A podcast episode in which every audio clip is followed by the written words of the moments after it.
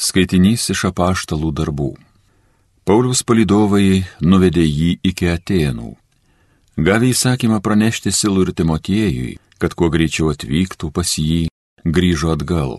Paulius, atsistojęs Areopago viduryje, prabilo. Ateniečiai, man rodos, kad jūs visais atžvilgiais pernelyg dievo baimingi. Vaikščiodamas ir apžiūrinėdamas jūsų šventenybės, radau aukurą su užrašu - nežinomam dievui. Taigi aš noriu skelbti jums tai, ką jūs nepažindami garbinate. Dievas, pasaulio ir viso, kas jame yra kūrėjas, būdamas dangaus ir žemės valdovas, gyvena nerankų darbo šventyklose ir nėra žmonių rankomis aptarnaujamas, tarsi jam ko trūktų. Jisgi pats visiems duoda gyvybę, alsavimą ir visą kitą. Iš vienos šaknies jis išvedė visą žmonių giminę, kuri gyvena visoje žemėje. Tai jis nustatė apibrieštus laikus ir apsigyvenimo ribas, kad žmonės ieškotų Dievo ir tarytum apgraibomis jį atrastų, nes jis visiškai netoli nuo kiekvieno iš mūsų. Juk mes jame gyvename, judame ir esame, kaip yra pasakę kai kurie jūsų poetai, mes esame jo giminės. Todėl, būdami dieviškos giminės, neturime manyti, jog dievybė esanti panaši į auksą, sidabrą, akmenį arba į meno ar žmogaus minties kūrinius. Ir štai Dievas nebežiūri anų neišmanimo laikų, bet dabar skelbia žmonėms, jog visiems visur reikia atsiversti. Jis nustatė dieną, kada teisingai teis visą pasaulį per vieną žmogų, kurį tam paskyrė ir visiems už jį laidavo, prikeldamas iš numirusių. Išgirdę kalbant apie prisikėlimą iš numirusių, vieni ėmė tyčiotis, kiti sakė, apie tai pasiklausysime kitą kartą. Šitai Paulius paliko jų būrį. Vis dėlto kai kurie vyrai stojo į jo pusę ir prieėmė tikėjimą. Jų tarpe Dionizijas, Areopago narys, viena moteris vardu Damaridė ir jų draugai. Tai Dievo žodis.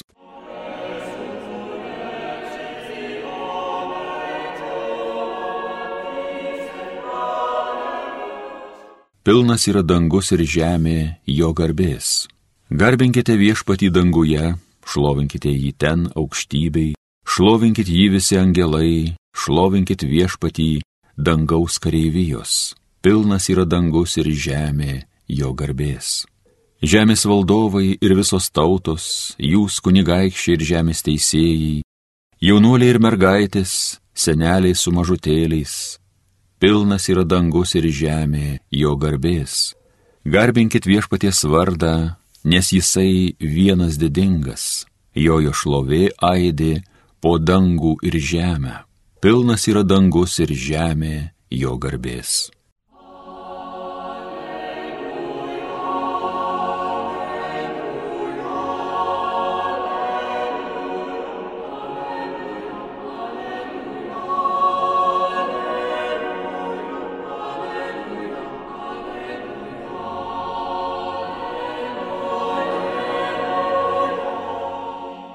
Aš paprašysiu tėvą ir jis duos jums kitą globėją, kuris liktų su jumis per amžius.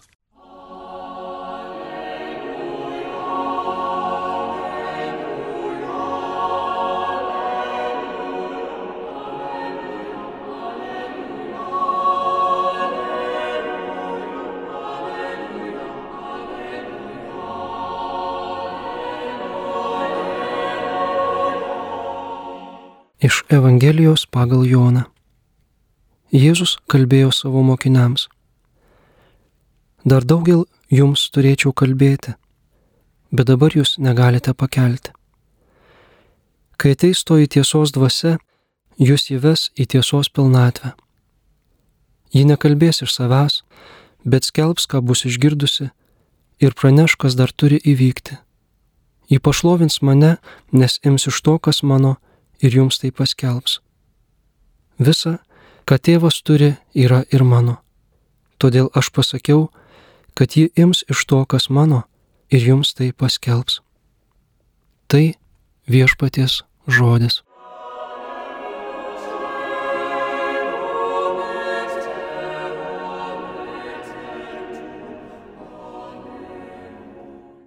Nors religija nesivadovauja ekonominiais paklausos ir pasiūlos dėsniais, tačiau prasminga kartais pasidomėti, kokie yra žmonių poreikiai, ko jie ilgisi, apie ką svajoja, ką laiko savo laimę. Tada gali taikliau prabilti žmonėms apie išganimo žinę. Paulius, turėdamas laiko apžiūrėti Atenų šventasias vietas, suranda vieną kabliuką - aukurą nežinomam Dievui. Romos imperija sveikino kiekvieno naujo Dievo kultą, tikėdama, kad jie ir saugo imperijos galybę. Ir dėl visa ko, kad koks svarbus Dievas neliktų nepažintas ir nepagarbintas, aukuras nežinomam Dievui sprendė šią problemą. Paulius šauna į dešimtuką. Aš jums parodysiu, aš jums papasakosiu apie tą Dievą. Klausytojų ausys ir akis priklauso Pauliui, bet jo kalba ne visai tokia, kokios klausytojai tikėtųsi. Kalbama apie tą nepažįstamą Dievą, bet kaip apie vienintelį, kuris neįsipaišo į panteoną, šalia kurio kiti dievai pasirodo besas tabai, įsidabro, aukso ar akmens. Paulius kalba apie Dievą pasaulio ir viso, kas jame kūrėja, visiems duodantį gyvybės alsavimą, iš vienos šaknies išvedusi žmoniją. Politeistiniai, daugybė dievų tikinčiai visuomeniai Paulius paskelbė monoteizmą, kad Dievas yra vienas ir vienintelis.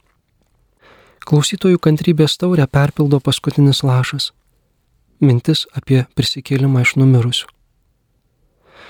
Pauliaus išstojimas Areopagė Atenų susirinkimų aikštėje baigėsi nesėkme, patyčiomis ir ironišku, apie tai pasiklausysime kitą kartą. Krikščionybė su Evangelija, Jėzumi, niekada ir nebus pasaulio poreikius atitinkančių pasiūlymų. Ji visada juos pranoks taip smarkiai, kad sulauks atmetimo, patyčių ar šiek tiek pagarbesnio, apie tai pasiklausysime kitą kartą. Pilną Evangelijos svorį priimti sunku, Jėzus net savo apaštalams sako, dar daugel turėčiau jums kalbėti, bet dabar jūs negalite pakelti. Apie dangų sakoma, kad ten turėsime tiek laimės, kiek pajėgsime jos priimti. Ir šiame gyvenime mokomės tapti talpesniais indais dieviškam gyvenimui ir dieviškai laimiai, kuria su mumis bus pasidalinta. Išgyvename, jei sutinkame, aišku, širdies plėtimo operaciją apie kurią šventasis Augustinas yra pasakęs. Tu esi pilnas acto, o Dievas nori pripildyti tave medaus. Tad reikia pašalinti actą, padidinti talpą ir pripildyti medaus. Proceso prasme ir palaimą pajusi tik pabaigoje, o jo metu bus nemažai kančios. Ar gali tai pasiūlyti pasauliui, kur rezultatas turi būti pasiektas greitai ir be didelių pastangų, kur laukiama geros kokybės už nedidelę kainą. Tiesa, Paulius nereikalauja iš ateiniečių kažko didelio. Pradžiai jis kviečia tik priimti žinę, aišku, subombarduojančią jų senai žinojimą apie dievus.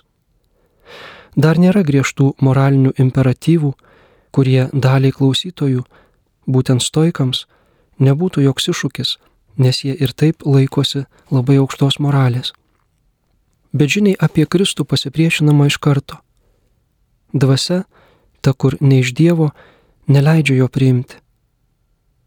Sakytume, suklupimo ir papiktinimo akmeniu platonikams, gnostikams ir stoikams tapo mirusiųjų prisikėlimas, mat jie materiją ir kūniškumą laiko balastu, nuo kurio atsiskyrus mirtyje jau nebereikia sugrįžti atgal.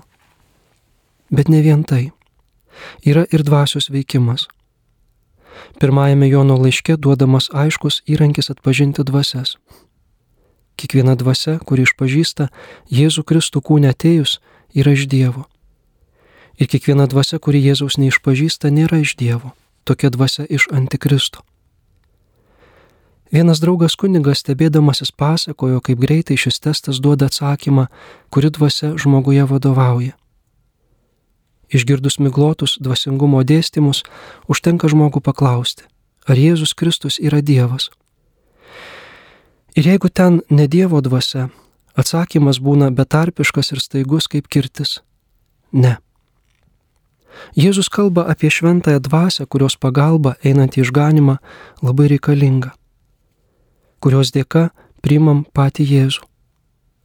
Tai, ką darė jis, būdamas Dievo ir žmonių susitikimo sakramentu, nuo šiol darys šventoji dvasia, trečiasis švenčiausios trybės asmuo, mislingas kaip tas nepažįstamas Dievas. Argi kūniškas žmogus patikės, kad būtent šis dieviškas asmuo, ši dvasia ir yra didžiausia įmanoma dovana žmogui? Kodėl didžiausia? Nesijungia tėvą ir sūnų. Ir mūsų tuo pačiu meilės ryšiu sujungia su švenčiausia trejybė. Suraskite ką nors didingesnio už gyvenimą dieviškos trejybės laimėje ir meilėje, ką dovanoja šventoji dvasia. Aišku, kad nieko didesnio nerasit. Laukdami sėkminių prašykime tos brangiausios dovanos šventosios dvasios, leidžiančios dalyvauti švenčiausios trybės laimėje.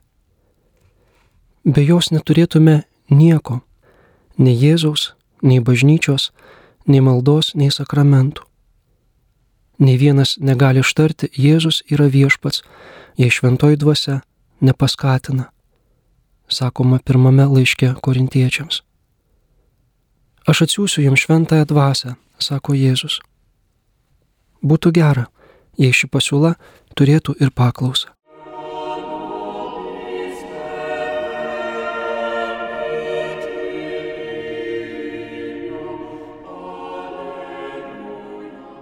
Homilija sakė kunigas Mindaugas Martinaitis.